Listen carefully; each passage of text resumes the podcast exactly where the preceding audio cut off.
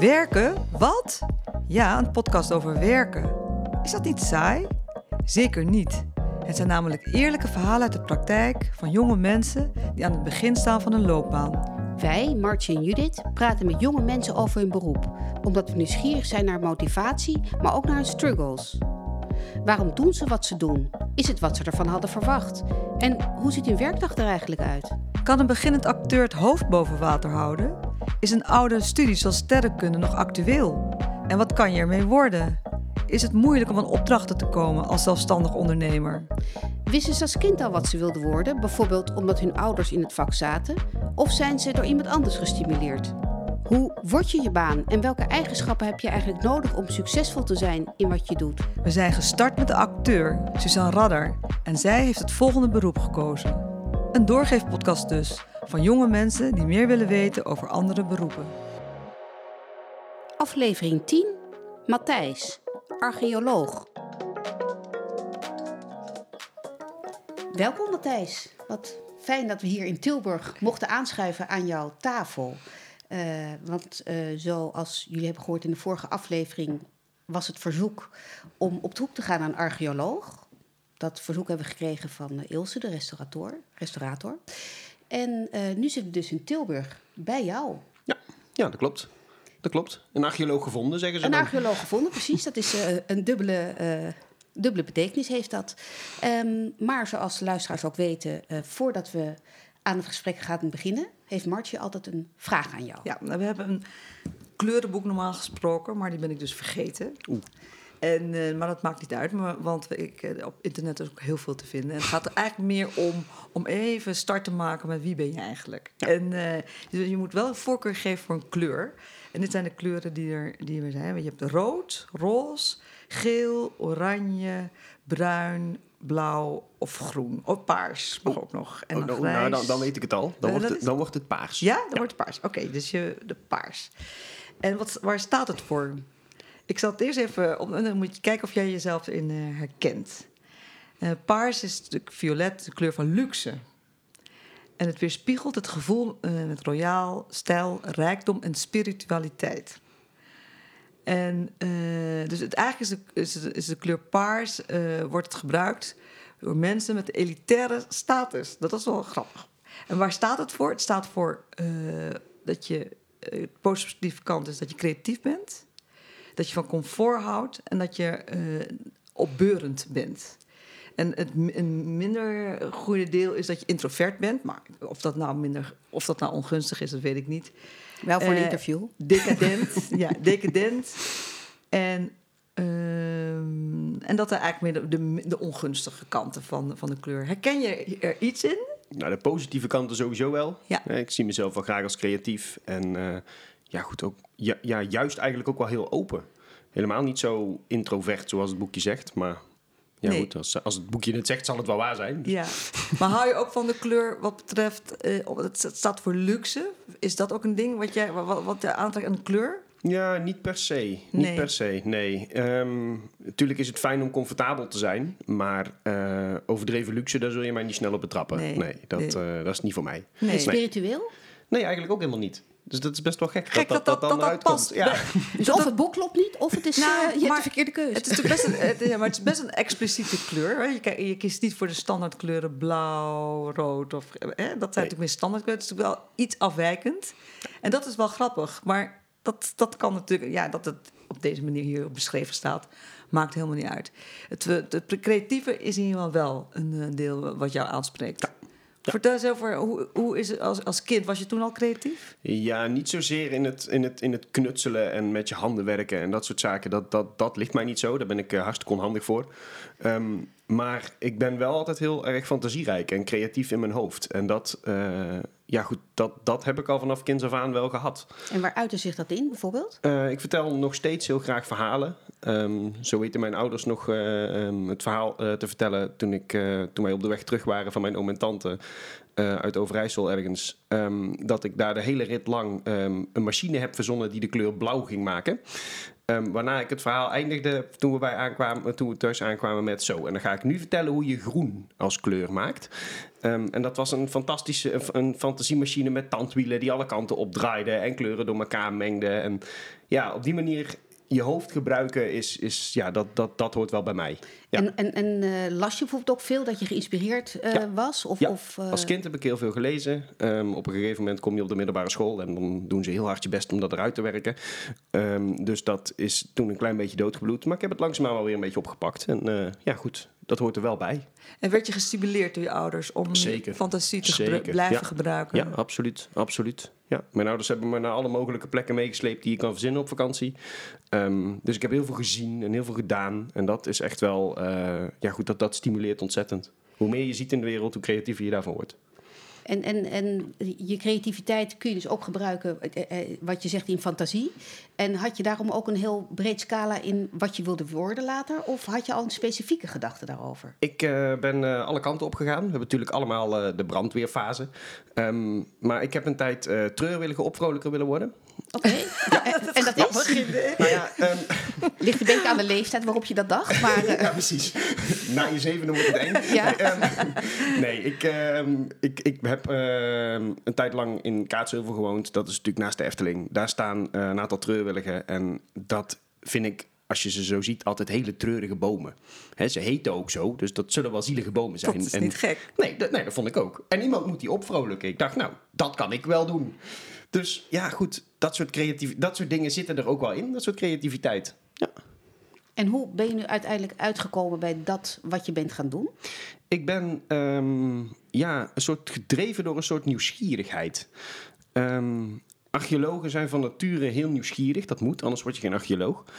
Ehm, en hè, dat is nieuwsgierigheid naar van alles en nog wat. Hè, dat, dat, dat, eh, dat, en, en in mijn geval uitzicht dat in, het, in, in willen weten hoe de mensen vroeger hun leven inrichten. En ehm, hoe hun belevingswereld er vroeger uitzag. Maar dan had je ook bijvoorbeeld journalist kunnen worden. Of je had schrijver kunnen worden. Of je had heel veel dingen kunnen worden. Ja. Maar specifiek archeologie. Ja. ja, archeologie gaat ook over een soort ehm, begrip. Waarom doen wij wat we doen? Ehm, waar komt dat nou vandaan? Inderdaad, als journalist ehm, zoek je dat tot op zekere hoogte ook uit. Maar daar ben je veel meer gefocust op ehm, moderne elementen. Waarom gebeuren dingen zoals ze nu gebeuren? In plaats van waar komt dat nou eigenlijk vandaan? En want, want je kunt begrijpen hoe het eh, vroeger zat. En daarmee kun je eh, begrijpen hoe de, hoe de mensen toen leefden Ja. of enzovoort. Je kunt het ook gebruiken om te begrijpen hoe wij nu leven. Ja. Ja, dat zijn, eh, dat zijn parallellen. Ehm, hè, om een voorbeeldje te geven. eh, we, zitten, we hebben natuurlijk tegenwoordig eh, het, het, klimaatprobleem waar we mee, moeten, we om moeten gaan.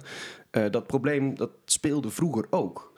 Ehm, hè, we weten allemaal dat het klimaat natuurlijk door toedoen van mensen sneller verandert. Maar ehm, hè, klimaatverandering is in principe van alle tijden. Het is zo dat de mensen daar vroeger ook op een bepaalde manier op moeten reageren. En daar kunnen we lessen uit trekken. Ehm, we moeten alleen wel weten waar we moeten kijken. En dat is wat archeologen doen. Hè. Die knopen verschillende soorten data aan elkaar en daar kunnen zij dan een verhaal van maken. En dat verhaal dat kan oplossingen bieden voor problemen die tegenwoordig nog steeds of alweer spelen. En wat bedoel je met data? Want eh, wat voor soort data zijn dat dan bijvoorbeeld? Eh, nou ja, een archeoloog graaft natuurlijk onder de grond. Die gaat op zoek naar eh, resten van mensen. En, maar dat kan dus van alles zijn. Hè? Eh, botmateriaal, maar ook de kleding die deze mensen gedragen hebben. Maar ook ehm, afdrukken in de grond, zodat je kan zien hoe de huizen eruit gezien hebben. Dat, dat, dat is ruwe data. Dat zijn dingen die iets vertellen. En afhankelijk van de vraag die je daaraan stelt, kun je daar iets van leren. Dus ja, op die manier, ja, op die manier is dat data. Ja. En voordat we nog verder gaan op het vak, wat ik heel interessant vind, maar wil ik nog even teruggaan naar je middelbare schooltijd. Want ik probeer voor de luisteraars eh, te begrijpen waarom je het vak bent gaan studeren. En dus na de middelbare school, wat voor school heb je gedaan? In eh, Kaatsheuvel heb je een middelbare school, HAVO, VWO, wat heb je gedaan? Ik ben, eh, ik ben op het VMBO begonnen. VMBO the Theoretische Leerweg. Dat kwam vooral omdat ik niet zo goed kon rekenen. Ehm, en ja, goed, dat was een hele leuke tijd. Ik heb me daar vier jaar prima vermaakt. Maar vanuit je VMBO-achtergrond heb je eigenlijk niet zo heel veel mogelijkheden om op de universiteit terecht te komen. Dus ik dacht, hé, hey, ehm, ik ga de HAVO doen en eens kijken wat dat brengt. Eh, toen ben ik na de HAVO eh, doorgestroomd naar het HBO. Daar heb ik eh lerarenopleiding gedaan. Welke vakken? Geschiedenis. Oh, één vak. Geschiedenis. Ja, vak, één vak. Ja. En daar, ehm, ja, goed, na, na, na vier jaar studeren kwam ik erachter dat ik eigenlijk helemaal niet voor de klas moest gaan staan. Je staat de helft van de tijd eh, of politieagentje te spelen, of je bent bezig met het opstellen van zorgdossiers en andere vervelende dingen waar je niks mee te maken wil hebben. Ehm, ik wil me gewoon lekker druk maken over mensen vertellen en laten zien over het verleden. Dat vind ik leuk. En niet zozeer alles wat daar met leerlingen bij komt kijken. Want je bent de verhalen vertellen. Precies, Ja. precies. Dus dan ga je op zoek naar een vak waar je dat kan doen. Nou, en archeologie bleek daar een goede uitkomst in. Maar het lijkt me ook fantastisch om een leraar zoals jij te hebben. Als geschiedenisleraar. Ja. Die, die kan vertellen, en verhalen kan vertellen over geschiedenis. Lijkt me heerlijk. Ja, dat is, dat is ook. Ehm, het probleem is dat wij in Nederland het geschiedenisonderwijs een soort van ja, bijna hebben afgeschaft. We hebben dat samengepakt onder de noemer eh, mens en maatschappij. En daar is natuurlijk niks mis mee. Als dat de keuze is, is dat de keus. Maar ehm, je bent dan niet meer bezig met alleen maar geschiedenis of met alleen maar het verleden. Hè, het wordt veel te breed getrokken en daar haken de mensen in mijn beleving een beetje op af. Het blijft ook een keuzevak. En ja, goed, als je dat moet kiezen omdat het aardrijkskunde of geschiedenis is, ja, dan wordt het voor, zeker voor pubers, een beetje een ingewikkeld verhaal. Ja, dat snap ik. En dus vandaar dat je dacht, ik moet iets anders gaan doen. Ja. En toen kwam je direct op archeologie? Ehm, nou ja, goed, ik heb eerst even een tijdje met mijn ziel onder mijn arm gelopen. Zoals dat gaat, hè, als je eh, eind tiener, begin twintiger bent. Ehm, toen ben ik naar Peru gegaan. Daar eh, heb ik meegeholpen met een archeologische opgraving. Dat was de eerste keer dat ik daarmee in aanraking kwam. Naar wat? Eh, Peru. Peru. Ja, Peru. Ja. En daar ehm, heb ik, eh, ja goed, een week of drie tot een maand eh, ja, mee gegraven. Dat was hartstikke leuk. En eh, toen ik terugkwam in Nederland wist ik eigenlijk zeker van, goh, dit gaan we doen.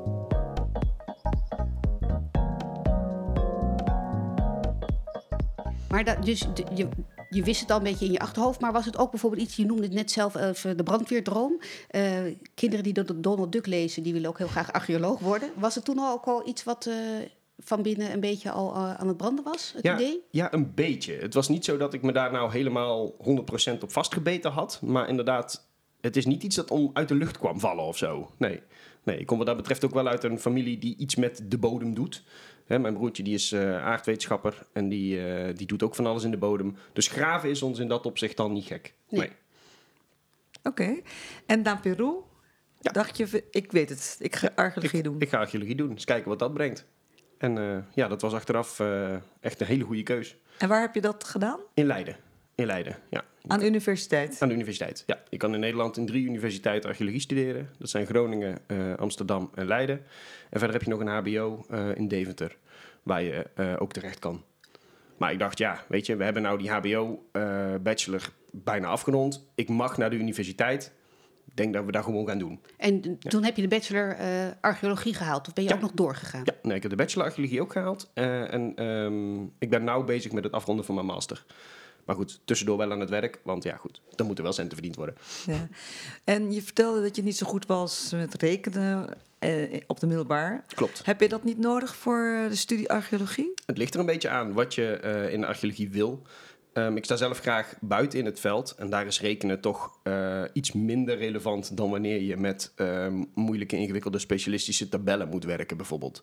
En tegenwoordig hebben we natuurlijk computers die een heleboel voor je kunnen rekenen. Dat merken we in de archeologie ook. En dat is heel fijn.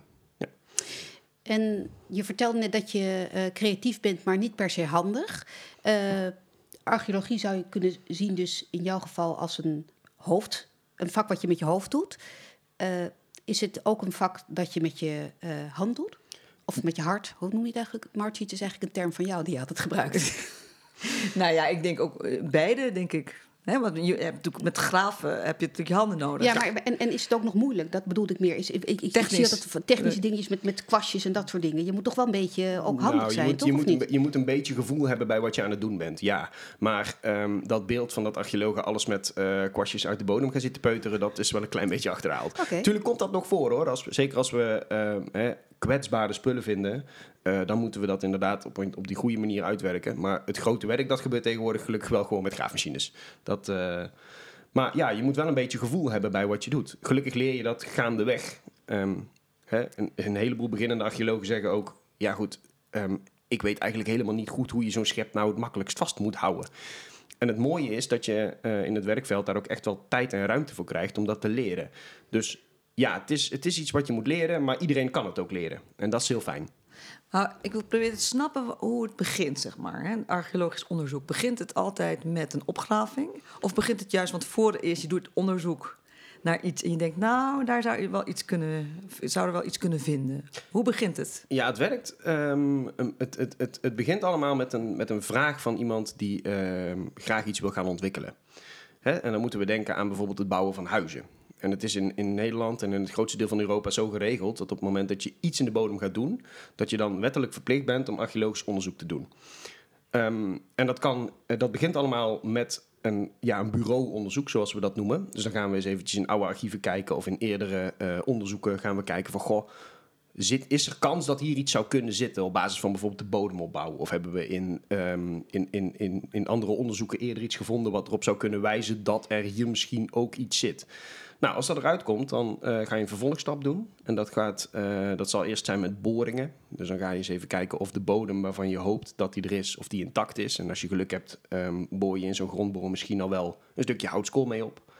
Ehm, en als En- dat Wat is houtskool? Wat, Hout- wat zegt dat? Houtskool is verbrand hout en dat kan natuurlijk ontstaan. Maar ehm, als, je grote, als je grote hoeveelheden vindt, dan is dat waarschijnlijk een vuurtje geweest dat ergens gebrand heeft. Nou, daar hebben dus mensen gewoond. En op basis van de diepte dat zoiets zit, kun je dan zeggen: oké, ehm, dit is geen vuurtje dat hier vorige week gezeten heeft, zeg maar. Dat kan hier al wel veel langer liggen. Nou, als je zo'n archeologische indicator, zo heet dat, als je zo'n archeologische indicator vindt, dan kun je de volgende stap gaan doen. En dat zijn dus proefsleuven. Dan kun je dus inderdaad eens even een gat gaan maken en denken van, nou, hè, eens even kijken waar dat kleine stukje houtskool dan vandaan kwam en of daar meer zit. En als daar inderdaad meer uitkomt, dan schaal je op naar een opgraving. Als je zegt van oké, wat we hier hebben is wel bijzonder of is wel interessant, dan graven we eens verderop.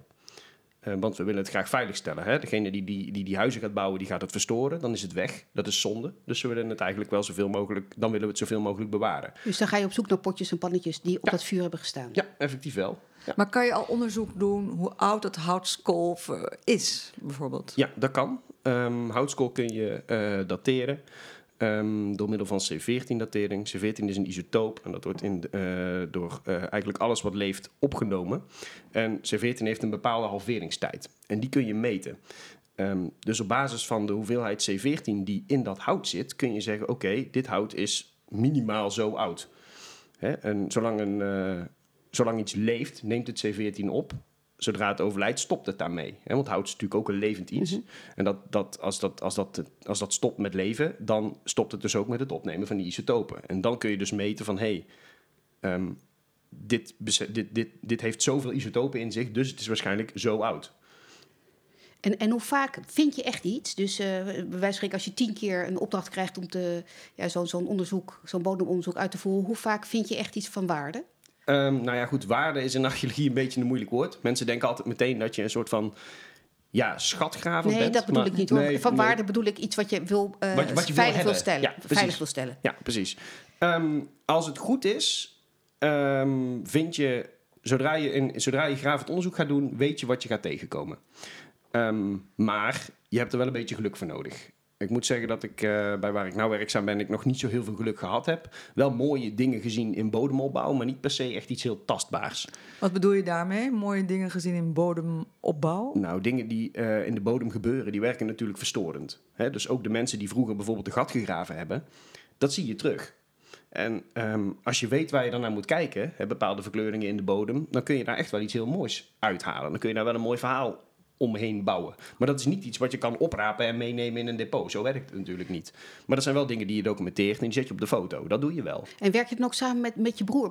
Niet letterlijk, maar met bedrijven waar je broer werkt, met, met bodembedrijven. Ja, dat, dat doen we af en toe. Ehm, meestal weten we zelf gelukkig, of meestal hebben we zelf de expertise in huis die we nodig hebben, maar niet altijd. Ehm, archeologie is wat dat betreft een hele brede opleiding. Je leert heel veel, maar je leert van heel veel dingen maar een klein beetje. Dus je bent, ehm, dus je bent of heel erg, ehm, dus je bent of heel erg breed, of je bent heel erg specialistisch. Dan heb je dus bijvoorbeeld mensen die alles weten van menselijk botmateriaal of eh, stukjes aardewerk. Ehm, of je hebt mensen, en die zijn een beetje zoals ik, en die weten van alles een klein beetje. En dat laatste is heel fijn, maar op het moment dat je dan dus iemand nodig hebt die veel van de bodem weet, en je hebt zo iemand niet in je bedrijf of in je team zitten, ja, dan moet je, dan moet je Expertise ergens precies, vandaan dan, halen. precies, dan moet je het ergens vandaan gaan plukken. Ja.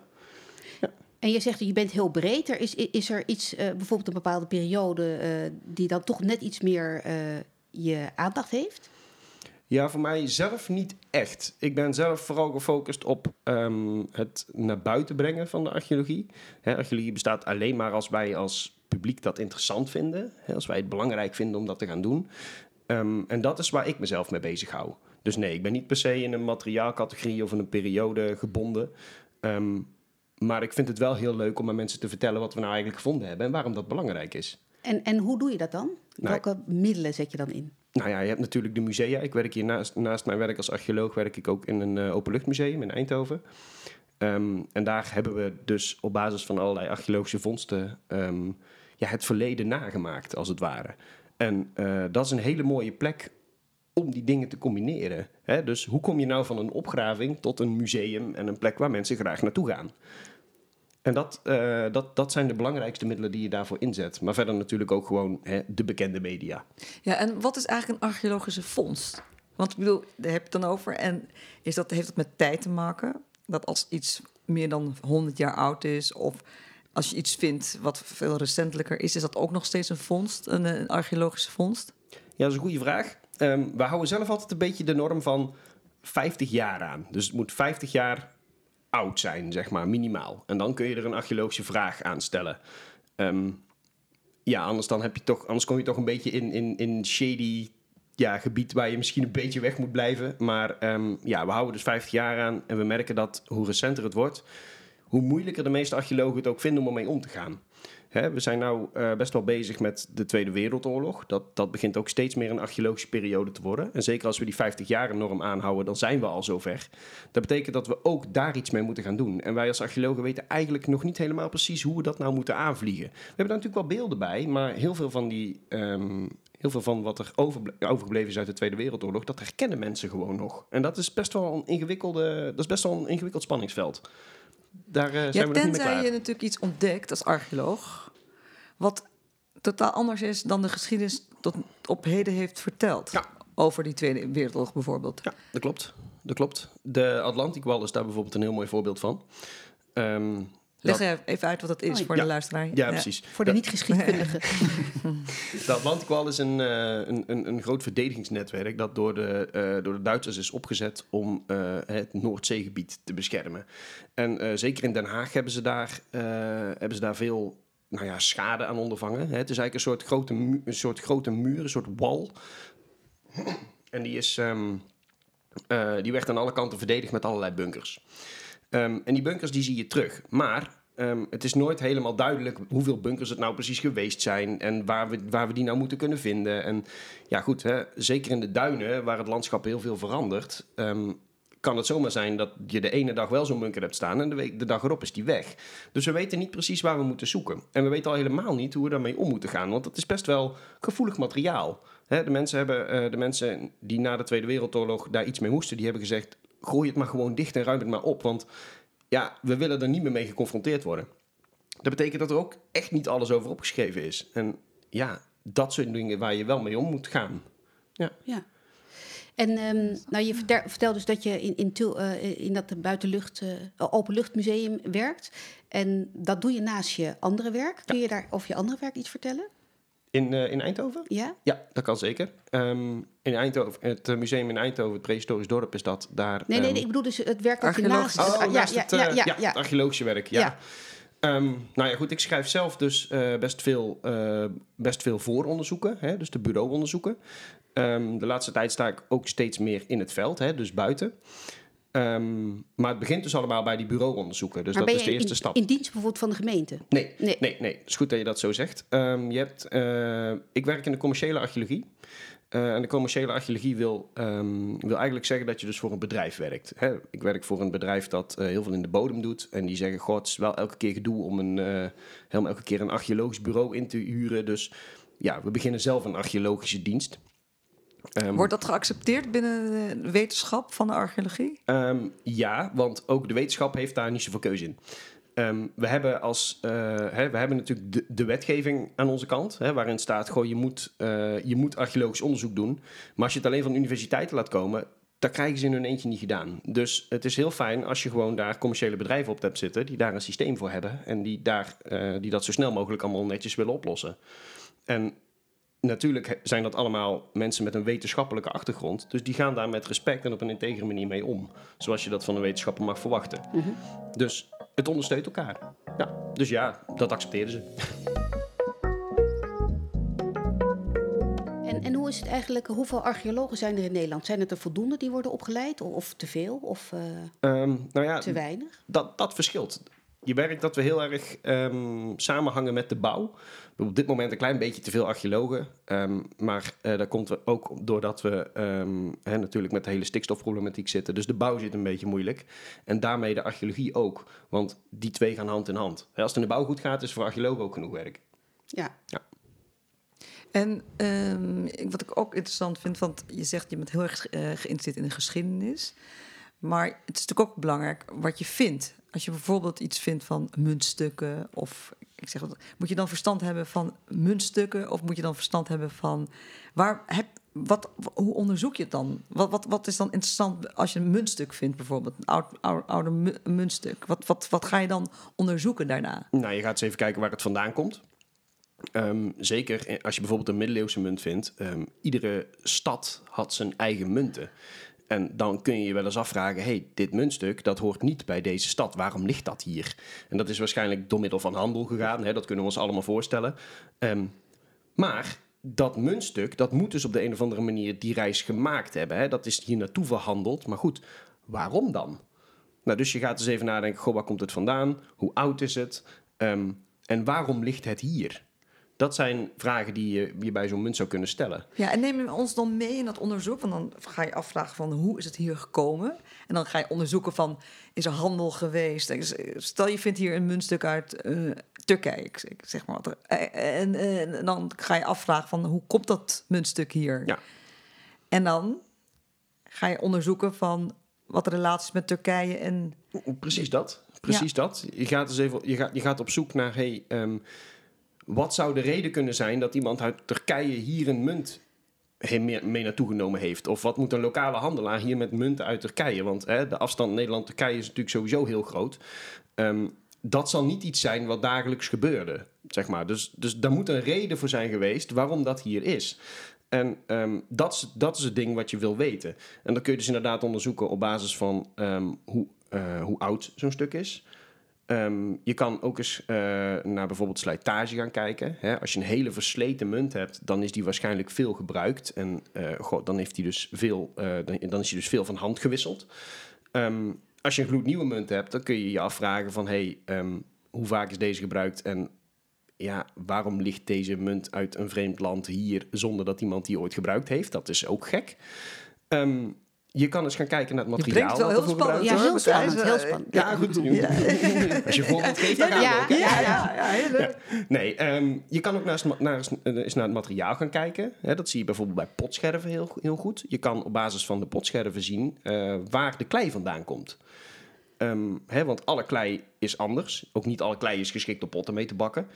Ehm, maar op basis van wat je aan, aan, aan kleimateriaal ehm, of aan scherfmateriaal vindt, kun je zeggen: hé, hey, de klei die ze voor deze scherf gebruikt hebben, ja, die komt hier niet voor. Dat betekent dat dit dus een geïmporteerd stuk moet zijn. Dat is best bijzonder, want dan heb je dus ineens te maken met een groot handelsnetwerk. En dat zijn dingen die we tegenwoordig best wel associëren met ja, het nu, het moderne tijd. Hè? Grote boten, grote vliegtuigen. Maar eigenlijk doen we, drijven we al handel al zo, zolang we als mensen ja, bestaan. Maar wat je beschrijft, daar, daar, daaruit komt naar voren dat jij eh, logischerwijs heel veel verstand hebt van geschiedenis. Maar het lijkt me ook een hele essentiële bagage die je nodig hebt als archeoloog. Is, dit dan, is dat dan een groot gedeelte van je studie ook, dit soort dingen? Of is dat gewoon bijvangst in jouw geval? Nou, bijvangst wil ik het niet noemen. Ik heb natuurlijk inderdaad wel die lerarenopleiding achter de rug. Ehm, en het helpt als je inderdaad echt wel een soort van weet waar je over praat. De meeste archeologen weten ook echt wel iets van geschiedenis. Maar archeologen zijn geen geschiedkundigen. Daar zit wel degelijk een verschil in. Ehm, geschiedkundigen gaan heel vaak uit van geschreven bronnen. Die gaan eh, op basis van geschreven bronnen proberen een constructie te maken van het verleden. En archeologen doen dat op basis van voorwerpen. En dat vereist toch echt een andere manier van denken. Dus ja, het helpt wel dat je enig verstand hebt van geschiedenis. En dan hoef je echt niet alle jaartallen uit je hoofd te kennen. Want goed, dat, daar win je niks mee. Maar het vereist wel een denkstap. En ehm, dat is iets wat je in je studie meekrijgt. En als je daarnaast dan inderdaad ook nog ehm, ja, enige affiniteit met geschiedenis hebt, of geschiedkundig onderzoek hebt, dan helpt dat wel. Ja. En bedoel je de andere manier van denken, is dat creatiever? Dus dat je, dat je meer out, the box, out of the box denkt dan eh, vanuit bronnen? Ja, het gaat, over, eh, het gaat over het kunnen en willen zien van verbanden. Ehm, dat is bij, geschied, geschied, eh, bij, ja, hè, bij geschiedkundig onderzoek natuurlijk ook zo. Maar juist voor archeologie is dat eh, nog belangrijker. Hè, wij nemen een heleboel dingen die we tegenwoordig ja, in onze wereld zien... best wel aan als... oké, we weten allemaal hoe we dit gebruiken... dus we hoeven daar niks over op te schrijven. De mensen vroeger zullen ook zo gedacht hebben. Dat maakt het best ingewikkeld als je iets vindt wat je niet herkent. Hè? ehm, ik neem dan zelf altijd de theepot als voorbeeld. Stel, ehm, wij hebben een theepot en eh, over eh, 400 jaar komen ze ons opgraven. En het enige wat ze van ons terugvinden is een theepot. Ja, als je niet weet wat dat is, dan kun je honderd verschillende manieren bedenken om zo'n ding te gebruiken zonder dat je überhaupt aan een theepot denkt. Hè, je kan zo'n ding op je hoofd zetten. Eh, misschien is het wel een koffer geweest om spulletjes in te doen. Eh, misschien stond het wel gewoon mooi op de koelkast. Er zijn honderd verschillende manieren om zo'n ding te gebruiken. En dat maakt het heel ingewikkeld. Je weet ook nooit zeker of je het goede hebt. Hè? En, dat, en dat is de denkslag die je moet maken. Je moet heel creatief naar spullen kunnen kijken. Maar begint het ook bij het idee van hoe komt een, een product in de bodem terecht? Dat vraag ik me dan af. Ja. Dat lijkt me ook best wel gek. Een hoe komt een theepot in de bodem terecht? Het kan zijn door als, een, als je huis afvikt of ik, ik zeg maar wat dat dan in de bo- bodem wordt geslagen. Maar die komt daar toch niet zomaar terecht? Nee, meestal is het, eh, meestal is het afval. Ehm, Precies. Ja, wij graven veel in afval van, eh, van oude mensen, zeg maar. Zo zien we dat zelf ook graag. En, en stel nu dat, dat, eh, dat je kon dromen eh, met al jouw creatieve eh, denkvermogen. Wat zou dan een ultieme plek zijn waar jij je mocht uitleven als archeoloog? Oeh, dat vind ik een moeilijke vraag. Dat vind ik een moeilijke vraag. Ehm, Mag ook iets genuanceerd. Wat zou je een leuke plek vinden in plaats van je ultieme plek? ultieme plek is altijd Dat zo heftig. Ja. Nee, gewoon wat, wat zou je dan een interessante plek vinden? Heel eerlijk, ik zou wel eens een keertje eh, wat meer in het noorden willen kijken. En dan moeten we echt denken aan, eh, aan gletsjers en dat soort werk. Hè, daar zit zoveel in het ijs wat we nog niet weten. Ehm, en dat ijs, dat zorgt er ook voor dat alles goed bewaard blijft. En gewoon hoe vervelend het ook allemaal is dat al die gletsjers aan het afsmelten zijn. Er komen wel hele mooie dingen naar boven. en daar zou ik stiekem graag wel eens een keertje bij betrokken willen zijn.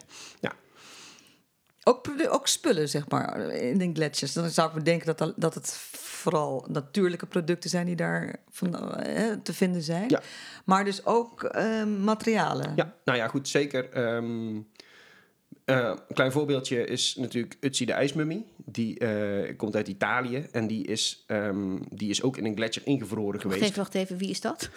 Utsi is een, Utsi is een ijsmummie en die is, ehm, ik ben het jaartal zo even kwijt, maar die is een, een, een, een paar jaar geleden, echt wel een aantal jaar geleden, ehm, gevonden in Italië. En eh, die was dusdanig goed bewaard dat ze in eerste instantie dachten dat ze een recent lijk te pakken hadden. Ehm, maar dat was niet. Het was dus een, een, een, eh, een, een jager-verzamelaar. En ehm, die man die had allerlei spullen bij zich. En die zijn natuurlijk door dat ijs hartstikke goed bewaard gebleven. En daar hebben we als archeologische gemeenschap heel veel van geleerd. We konden bijvoorbeeld nog eh, aan zijn maaginhoud zien wat hij gegeten had. We konden zien wat hij voor kleren aan had. Hij had tatoeages. Dat zijn dingen die, omdat hij dus in zo'n gletsjer zat, allemaal nog kan achterhalen. En dat is, eh, en dat is wel iets waar, je, waar, waar ik ook wel Hoe graag kwam die betrokken man daar terecht, in die gletsjer? nou ja, goed, hij is op reis geweest. En ehm, ze denken dat hij vermoord is vanaf een afstand. Maar dat is goed, dat, dat denken ze. En dat hij toen is bezweken aan zijn verwondingen. En had heel veel spullen bij Hij zich. had veel spullen bij zich. En eh, hij is daarna bezweken aan zijn verwondingen. Toen is hij eh, naar beneden gevallen. En daar is hij, ja, gruwelijk om het leven gekomen. En daar is hij dus bewaard. En dat is, dat is het mooie eraan. Het is een soort tijdscapsule. Ja, ik kan me Ja. er niets bij voorstellen. En er zijn ar- archeologen die daar op dit moment mee bezig zijn. En, of hebben, hebben jullie daar ook mee geholpen? Of eh, een nee, nee, onderzoek? nee. Utsi is wel een, eh, dat is echt wel een, een grote naam. Die, eh, die, is ook in, die, die ligt ook in een museum. Ehm, daar eh, wordt nog steeds onderzoek naar gedaan. En we doen eigenlijk ja, nog steeds nieuwe ontdekkingen aan Utsi. Ja. En wat is het meest bijzondere wat jij hebt mogen opgraven? Eh, dat is een steentijdbijl eh, geweest. En die kwam, eh, dat was bij een zee, dat, die, heb ik, die heb ik bij een zeefproject gevonden. Ehm steentijd opgraven is altijd een beetje ingewikkeld, want ehm, ja, goed, je bent op zoek naar hele kleine dingen. Dus wat we dan over het algemeen doen, is gewoon heel veel bodem wegwerken. En die zeven we dan uit. Daar komen daar hele mooie kleine spulletjes uit, hè, vuurstenen, stukjes, pijlpuntjes. Maar we hadden dus ook een bijl in die zeef zitten. En dat was echt wel een flink ding. En eh, die, was eigenlijk nog net, die was eigenlijk nog net zo scherp alsof je hem gisteren geslepen had, zeg maar. Daar kon je nog prima een boom mee ommakken. Dat was echt een mooi ding. En wat voor materiaal? Eh, vuursteen. Vuursteen. Ja. En, dus, en, en, en het, handvat van? Nee, het was, er, zat geen, er zat geen handvat meer aan. Dus het was alleen maar de, ehm, alleen maar de steen zelf. En eh, ja, goed, behoorlijk dik, behoorlijk scherp. En ja, gewoon duidelijk gebruikt, maar wel altijd goed onderhouden. En dat zijn hele mooie dingen, want dan heb je meteen een beeld van de materialen die die mensen, of die de mensen vroeger gebruikten, ja, om hun leven een beetje makkelijker te maken. Want daar gaat het natuurlijk over. Hè? Iedereen streeft naar comfort. Hè? We gaan ervan uit dat de mensen dat vroeger ook deden. Want ja, goed, zelfde mensen, zelfde soort behoeftes. Hè, als, als, je, als, je, als het regent wil je er ook zitten. Dus je gaat op zoek naar een manier om een fatsoenlijk huis te bouwen. Nou ja, als je daar hout voor nodig hebt, dan heb je een bijl nodig. Nou, wat heb je in je middelen tot je beschikking? Een vuursteen. Dat is een scherpe steen, dus daar kun je prima mee hakken. Maar je moet dat nog wel eventjes ja, kneden naar je eigen, ja, naar je eigen behoeftes. En toen je dat had gevonden, smaakte dat dan meer? Dacht, dat je dacht van, ik wil nog meer opgraven, kijken wat er is? Ja, maar ehm, dat mag in Nederland dan ook weer niet zomaar. Je mag niet zomaar beginnen met graven. Ehm, Nou, niet zomaar, maar je had natuurlijk al iets gevonden. Ja, ja maar eh, je bent best wel gebonden aan ehm, wat de gemeente jou aan goedkeuring geeft. En de gemeente gaat altijd een soort van uit van: oké, ehm, dit zijn de plannen van zo'n projectontwikkelaar. Volgens mij was dat in het kader van een snelweg, dat durf ik niet meer zo maar te zeggen. Maar ehm, dan graaf je ook in het stuk dat ze gaan verstoren. Want archeologen streven in principe naar eh, behoud in situ, zoals dat heet. Dus we willen het eigenlijk zoveel mogelijk onder de grond laten zitten. Totdat we zeker weten dat wat we er, eh, totdat we zeker een goede manier hebben om het te bewaren. Ehm, maar het ligt eigenlijk wel goed onder de grond. Dus laten we het voor nu daar maar even liggen. Dan weten we ook zeker dat het goed blijft zitten. Alleen als je gaat verstoren, hè, dus als je iets gaat bouwen, ja, dan moet je wel. Dus dan halen we, het maar dan halen we er maar uit wat erin zit. Maar dan heb je dus wel dat je gebonden bent aan het stuk dat verstoord gaat worden. Je gaat niet zomaar eh Wild West eh, aan de gang. Nee. Heb nog een vraag. eh, als je afgestudeerd bent als archeoloog, je kunt dus bij een bouwbedrijf eh, gaan werken, zoals jij dat zegt. Ik neem aan dat je ook aan een universiteit kunt blijven eh, werken. Kan ook. Zijn er nog meer plekken waar archeologen gewenst zijn? Ja, archeologen zijn stiekem best wel nodig vanwege, hun, vanwege de manier waarop ze dus kijken naar de wereld. En kijken naar grote hoeveelheden data. Hè, dus inderdaad, je kan als archeoloog aan de gang bij de gemeente, ehm, maar ook bij bouwbedrijven of ingenieursbureaus. Ehm, maar ook eh, bij een bank zijn archeologen zeer gewenst. Bij een bank? Ja, bij een bank. Want ehm, omdat archeologen dus bekend zijn met eh, het werken met veel data. Hè, er komt heel veel data in één keer uit zo'n opgraving. Ja goed, je moet wel weten hoe je daar zo efficiënt mogelijk mee om moet gaan. Dus ja, archeologen zijn een soort van gewend om al dat soort spullen, al dat soort data en al dat soort gegevens aan elkaar te knopen en daar één verhaal van te maken. Dus ja, goed, ze zijn eh, in, in, in de bankwereld ook zeer gewenst. Ehm, Het lijkt me heel vreemd. want het- de- de- daar ga je toch geen archeologie voor studeren om bij een bank te werken? nee, dat klopt. Dat klopt. Dat is ook niet Zit- het eerste waar je aan denkt. Maar zou, zou dat voor jou een optie kunnen zijn? Nee, voor mijzelf niet. Daar kan ik nog steeds niet goed genoeg voor rekenen. Maar, ehm, nee, maar eh, ik heb wel jaargenoten die inderdaad in de, in de bankenwereld zitten. En die hebben het daar prima naar hun zin. En zijn er nog meer verrassende beroepsvelden? Ehm, nou ja, goed. eh, in het onderwijs kun je natuurlijk al snel terecht. Sowieso als, eh, als docent. Eh, je kan in een museum eh, aan de gang. Zoals ik naast mijn, eh, naast mijn andere baan doe. Ehm, ja, eigenlijk, het, dat is het voordeel aan archeologie. Het is heel breed ingestoken. Dus je kan er eigenlijk alle kanten mee op als het maar over mensen gaat. En dat is en natuurlijk niet over vaak. dieren? Nou, Dieren kan ook, maar dan hebben we het vaak wel over overleden dieren. Ja, dat Ja. snap ik. Ja. Maar waar kan je daar conclusies uit trekken? Ehm, bijvoorbeeld eh, wat voor dieren de mensen eh, vroeger gehouden hebben. Hè, denk bijvoorbeeld aan eh, schapen. En schapen die eh, als, je, als je weet dat mensen schapen hebben gehouden, dan weet je, oké, deze mensen hadden schapen, dus hadden ze waarschijnlijk ook wol. Wol, daar kun je kleding van maken. Waarschijnlijk kunnen we nu zeggen dat deze mensen wollen kleding hebben gedragen. Heb je nog nooit een stuk wol gezien in die hele opgave niet, maar op basis van die schaapbotten kun je dan wel zeggen, oké, waarschijnlijk hoort dit bij elkaar. En op die manier, dat, dat is ook het creatief omgaan met je dataset. Het, ding, het, het, ja, het aan elkaar knopen van dingen. Nee, ja. Ja. Heb jij eigenlijk een ander mensbeeld gekregen nu je archeologie hebt gestudeerd? Ja, eigenlijk wel. Ehm, veel meer begrip voor... an- ja, je leert daar toch ook een beetje begrip voor andere mensen hebben. Ehm, Hè, er is een, een gevleugelde uitspraak: ehm, iedere jij is een andere ik. Eh, dat is natuurlijk niet helemaal zo, maar er zijn echt wel parallellen te trekken die, voor, hè, die als universele menswaarden gelden. Hè, wat ik net ook zei, het, het, het idee dat de mensen vroeger eigenlijk helemaal niet zo anders waren als wij nu. En dat we dus eigenlijk allemaal vanuit diezelfde diep gewortelde ja, behoeftes handelen, vind ik zelf eigenlijk wel ja, heel mooi en een heel mooi en inspirerend beeld. Dat, dat je daarin nooit alleen bent. En dat, had je, dat dacht je anders over vroeger. Ja, ik dacht wel dat iedereen eh, veel individualistischer was dan dat dus eigenlijk het geval blijkt te zijn. Hè, natuurlijk heeft iedereen zijn eigen, zijn, eigen dingen, zijn eigen dingetje die hij nastreeft. Maar die komen wel allemaal vanuit dezelfde behoeftes. En welke behoeftes? Als gemeenschap bedoel je? Dat is gemeenschap. Ja, Veiligheid, precies. Veiligheid, precies. precies. Ehm, maar ook hè, comfort, welvaart. Dat zijn dingen die we allemaal Toch die nastreven. paarse kleur? Paars, ja, Hij is minder dan je En, creatief en eh, ja, grappig genoeg. Ja. Ja. Ja, heel leuk. En denk je dat het ehm, voor eh, mensen die, eh, die denk, eh, overwegen, die nieuwsgierig zijn, ehm, is nieuwsgierigheid voor jou de enige ingang om archeologie te gaan doen?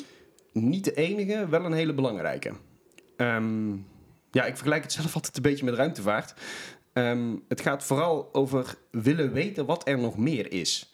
En ja, goed, dan is nieuwsgierigheid wel een soort van basisvoorwaarde. Nogmaals, het is echt niet de enige, de, de, de enige sturende factor, maar er zit, het is wel een hele belangrijke. Ik denk wel dat als je niet nieuwsgierig bent, je geen goede archeoloog zou maken. En wat vind je het allerleukste van je vak? Alle, allerboeiendste van je vak? Ja, stiekem is dat wel die vertaalslag. Hè, het maken van eh, wat, wat, wat heb ik nou gevonden en hoe kan ik nou aan mensen uitleggen dat dat bijzonder is, dat dat mooi is. Hoe kan ik dat nou meegeven aan de wereld? En, dat, eh, en daar is archeologie uitermate geschikt voor, want stiekem vindt iedereen het wel interessant. Je voelt je ook een beetje ambassadeur van het vak. Ja, Ja. absoluut, absoluut. En ja, goed, dat is misschien, eh, dat kl- klinkt wel een beetje te veel eer, maar ik denk dat alle archeologen, ehm, alle archeologen zijn ambassadeur van hun vak. Nou, jij bent het ze- zeker één hoor, met alle mooie verhalen die je ja, ja, eh, ja, zeker. vertelt. Ja, ja. Nou, hartstikke leuk. Ik vind het Ja. een ontzettend boeiend vak. Ik- Je hebt me helemaal eh, voor het vak gevangen, zeg maar. Ik had eigenlijk niet gedacht dat het Heel zo... verrassende eh, verhalen, echt. ja, zo... Ook, ook omdat je ze zo goed vertelt. Dat, eh, dat scheelt de helft, ook. hè? Dat is de Ja, helft. dat is de helft. Ehm, we hebben altijd eh, de vraag van Ja. de eh, kernkwaliteit. Ja, dat... Maar ik denk dat we dat eh, allemaal hetzelfde zullen opschrijven. Maar we gaan het nou, ook we gaan, proberen. we, gaan het, eh, we, gaan het, we gaan het zien. We, we, we schrijven het op voor onszelf. zelf. En dan kijken we even Moet je me van, misschien even eh, uitleggen? Wat het, ehm, eh, we moeten kernkwaliteit opschrijven van wat jij denkt dat de archeoloog moet hebben. Ja, ja. En we hebben natuurlijk... eh, maar dat, dat, Dan gaan we kijken gaan we wat kijken wat, wat, eh, wat, wat we allemaal opschrijven. Ik ben eh, heel benieuwd. Ja, Ja. Nee, precies. Nou, jij mag als eerste Ja. natuurlijk. Nou ja, goed. Ik heb eh, nieuwsgierigheid opgeschreven. Ja, Dat dacht ik al. Uiteraard zou je Wij- bijna denken. Ja. Wij natuurlijk, ja. ja, Ik niet. Ik dacht, dat gaat iedereen natuurlijk opschrijven. En ik ben dan heel goed, heel goed. Ik heb eh, generalist gezegd. Omdat je natuurlijk, wat jij zei, op verschillende gebieden moet je een beetje eh, iets, moet je iets van weten. Dus het gaat over dat je, heel, dat je niet specialist hoeft te zijn, maar generalist. Ja. Nou ja, goed, dat, daar zit zeker wat, dat, dat zit zeker wat in. Je moet inderdaad een heleboel vlakken interessant kunnen vinden. En je kan je natuurlijk altijd specialiseren. Hè. Zoals ik zei, mensen, er zijn mensen die heel veel weten van aardewerk... en er zijn mensen die heel veel weten van munten. Maar in de basis weet iedereen een, hele, een, een, een- paar dingen van een heleboel. En dat is stiekem heel erg leuk. Dus Ja. generalist is helemaal niet zo slecht gevonden. Nee. Nee. Ehm, voor alle mensen die na dit verhaal niet, toch niet archeoloog eh, wil worden, dat zijn denk ik heel weinig na deze, dit vlammende Ja. verhaal. Ehm, naar welke eh, beroep ben je nog meer nieuwsgierig? Ik ben heel erg nieuwsgierig naar, ehm, naar bakkers. Leuk. Ja. Ja, gaan we vinden. Ja. Die, eh, ja. heel Ja. leuk. Ja, ja, brood is natuurlijk iets wat we al lang doen en zo. En ja, ik vraag me af wat iemand, zeker in deze moderne tijd, drijft om bakker te worden. En je bedoelt broodbakker, Broodbakkers, nee, geen banketbakkers, broodbakkers. Ja, Ja. Nou, Daar gaan we naar op zoek. nou, leuk. Dankjewel voor het interview. Nou, jullie bedankt. Ik vind Matthijs een ambassadeur voor zijn vak. Mijn beeld dat het een saai vak zou zijn is nu weg. En wat kan hij spannend vertellen? Ik denk dat hij goed zit op zijn plek. Ja, ik wist ook niet dat het zo'n brede opleiding is. Hè. Dus dat je tijdens je studie zo goed wordt getraind in het verzamelen en verwerken van data, dat zelfs banken archeologen in dienst nemen. Verrassend dat hij het beroep van bakker heeft gekozen voor de volgende keer. Ja, maar daarvoor moeten jullie wel wachten tot in het nieuwe seizoen.